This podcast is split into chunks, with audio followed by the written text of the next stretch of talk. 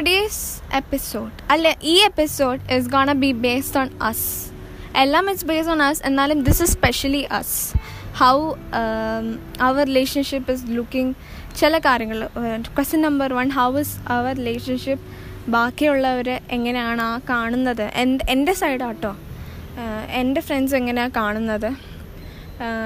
അതാണ് നമ്മൾ ഇന്ന് സംസാരിക്കാൻ പോകുന്നത്. ആക്ച്വലി ഇപ്പോഴത്തെ മോഡേൺ റിലേഷൻഷിപ്സൊക്കെ നോക്കിയാൽ ആരും അങ്ങനെ ഏജ് ഏജ് ഇങ്ങനെ ഗ്യാപ്പ് വെച്ചിട്ട് ആരും റിലേഷൻഷിപ്പിലാവത്തില്ല തനിക്ക് അറിയാവുന്ന കാര്യം. ആരും ആവത്തില്ല. നമ്മുടെ അപ്പയും അമ്മയൊക്കെ കല്യാണം കഴിച്ചതൊക്കെ അങ്ങനെ ആയിരിക്കും എൻ്റെ അപ്പയും അമ്മയൊക്കെ സിക്സ് ഇയർ സെവൻ ഇയർ ഗ്യാപ്പൊക്കെ ഉണ്ട്. പക്ഷെ ഇപ്പോഴത്തെ ആരും അങ്ങനെ ഒന്നും ചെയ്യത്തില്ലല്ലോ. ഞാൻ എൻ്റെ ഇത് എന്താ? എൻ്റെ റിലേഷൻഷിപ്പ് ഒരു ഒരു ഫ്രണ്ടിന് മാത്രമേ എനിക്ക് താനായിട്ടാണ് എൻ്റെ റിലേഷൻഷിപ്പ് എന്ന് അറിയത്തുള്ളൂ അത് റോണിയാണ്. റോ എനിക്കൊരു ടു ഹൺഡ്രഡ് ശതമാനം ഉറപ്പുണ്ട് അവൾക്ക് നമ്മുടെ റിലേഷൻഷിപ്പിൽ ജലസാണെന്ന് അതെനിക്ക് ജസ്റ്റ് അവളുടെ അവൾ ഞാനും തമ്മിലൊരു ten year ten years more than ten ഇയേഴ്സോ ഒക്കെ ഒരു ഇത് കാണും. ഒരു റിലേഷൻഷിപ്പ് ഒരു ഫ്രണ്ട്ഷിപ്പ് ഉണ്ട് ഞങ്ങളുടെ ഇടയിൽ അപ്പോൾ എനിക്ക് മനസ്സിലാവും അവൾ ജലസാണോ അവൾ ഹാപ്പി ആണോ എന്ന്.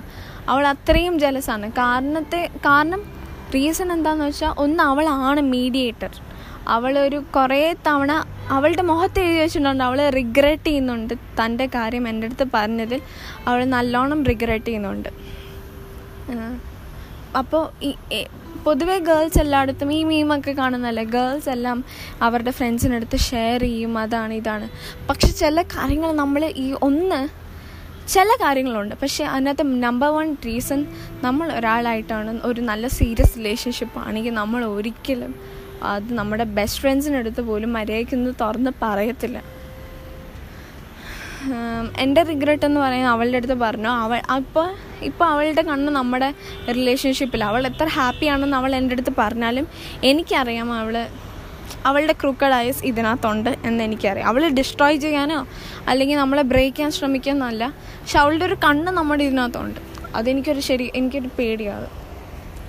പിന്നെ it's a very nice day ഞാനിപ്പോൾ ഞാനിപ്പോൾ നിൽക്കുന്നത് എൻ്റെ ബാൽക്കണിയിലാണ് ഇവിടെ നല്ല മഴ വരാൻ ചാൻസ് ഉണ്ട്. നല്ല വിൻഡോ ഉണ്ട് അപ്പോൾ എൻ്റെ ഓഡിയോ കുറച്ച് ബ്രേക്ക് ആവും അല്ലെങ്കിൽ ഭയങ്കര ലൗഡായിട്ടൊക്കെ കേൾക്കുവാണെങ്കിൽ ഇറ്റ്സ് ബിക്കോസ് ഓഫ് ദാറ്റ് അപ്പോൾ ലൗഡ് ആയിരിക്കും ഞാനത് കേട്ടില്ല. പിന്നെ എനിക്കൊരു കാര്യം മനസ്സിലായത്. ഇതിനകത്ത് പാട്ടൊക്കെ എടുത്ത് ഇടയ്ക്ക് വരും. എനിക്കറിയില്ലായിരുന്നു പാട്ട് ഇടയ്ക്ക് വരുമെന്ന്. I know this is a very very stupid lame idea ഈ ഈ ഒരു സംഭവം ഒരു സീരിയസ് പോലത്തെ സംഭവം ഭയങ്കര സ്റ്റുപ്പിഡാണ് താൻ എൻ്റെ അടുത്തു നിന്ന് കുറേ എക്സ്പെക്റ്റ് ചെയ്തു എന്നൊക്കെ എനിക്കറിയാം. പക്ഷേ ഈ പെട്ടെന്നുള്ള ഒരു ഇതായതുകൊണ്ടും എനിക്ക് എന്ത് ചെയ്യണമെന്നുള്ള ബുദ്ധി എനിക്ക് ഇപ്പോഴും ഇല്ലാത്തതുകൊണ്ടും I had no other option ഇനി ഒരു ഇപ്പോൾ ഈ ലോക്ക്ഡൗൺ ഒന്നും അല്ലായിരുന്നെങ്കിൽ I would have I would have plan so many things ഫ്രാങ്കായിട്ട് ഞാൻ പറയാം ഞാൻ കുറേ കാര്യം പ്ലാൻ ചെയ്തേനെ. ഞാൻ പ്ലാൻ ചെയ്ത് നടത്തിച്ചേനെ. ബട്ട് നമ്മൾ രണ്ടുപേരും ഓരോ ഡിസ്ട്രിക്റ്റിലാണ് ആ ഡിസ്ട്രിക്റ്റ് തമ്മിൽ നല്ല ദൂരവുമുണ്ട്. So just want you to know that ഞാൻ ഒന്നും ചെയ്തില്ലെങ്കിലും ഈ ദിവസം ഓർഡിനറി ആയിട്ട് പോകരുതെന്നായിരുന്നു എൻ്റെ ഒരു അതേ ഒരു പ്രാർത്ഥന എൻ്റെ എൻ്റെ ഭാഗത്തു നിന്ന് ഒന്നുമില്ലാതെ ഇത് പോകരുത് എന്ന് മാത്രമായിരുന്നു എൻ്റെ പ്രാർത്ഥന. അത് ഇതിപ്പോൾ നടക്കുമെന്നറിയില്ല ഇതൊന്ന് ശരിയാക്കി തനിക്ക് കേൾപ്പിക്കാൻ പറ്റുമെന്ന രീതിയിൽ പോലും നടക്കുമെന്ന് എനിക്കറിയില്ല. ഇപ്പോൾ ഈ മൊമെൻ്റ് വരെ എനിക്ക് അറിയില്ല ഇതൊരു സക്സസ് ആവുമോ തനിക്ക് മര്യാദയ്ക്കത് കേൾക്കാൻ പറ്റുമോ എന്നൊന്നും എനിക്കറിയില്ല. But I have faith in us I have strong strong faith in us നമ്മൾ ഒരിക്കലും നമ്മൾ ഒരിക്കലും ബ്രേക്ക് ആവില്ല. എന്ത് വന്നാലും നമ്മൾ ബ്രേക്ക് ആവില്ല എന്ന് എനിക്കൊരു സ്ട്രോങ് ഫെയ്ത്ത് ഉണ്ട്. I hope you have that too because I never never want to lose you I never want because I love you I love you like help like hell okay like hell എനിക്ക് ഭയങ്കര ഇഷ്ടമാണ് എനിക്ക് തന്നെ ഭയങ്കര ഇഷ്ടമാണ് ഞാൻ ഇടയ്ക്കിടയ്ക്ക് എന്നെ ഇഷ്ടമാണോ എന്നെ ഇഷ്ടമാണോ ചോദിക്കുന്ന ഇതുപോലത്തെ ഒക്കെ വാക്കുകൾ കേൾക്കാൻ I love you like hell and I don't don't ever want to hurt you ഹേർട്ടായാൽ എന്നോട് ക്ഷമിക്കണം. എന്നോട് കണ്ണടച്ച് ക്ഷമിക്കണം എന്നൊന്നുമല്ല വഴക്കുണ്ടാക്കണം. പക്ഷെ എന്നെ ഇട്ടിട്ട് പോരുത് നെറ്റ് ഓഫ് ആക്കിയിട്ട് പോരുത് ഗ്യാസ് ഓൺ ആക്കരുത്. ഇത്ര എനിക്ക് പറയാനുള്ളൂ.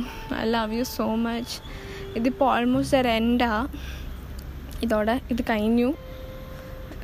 കാരണം ഞാനിത് എടുക്കുന്നത് ഒരു ടു ഡേയ്സ് മുമ്പല്ല. അപ്പോൾ അധികം ഒന്ന് ഷൂട്ട് ചെയ്യാൻ ഇത് മുമ്പേ ചെയ്തിരുന്നെങ്കിൽ ഞാൻ ഒരു അഞ്ചാറ് വെറുപ്പിച്ച് കൊന്നേനെ. I love you okay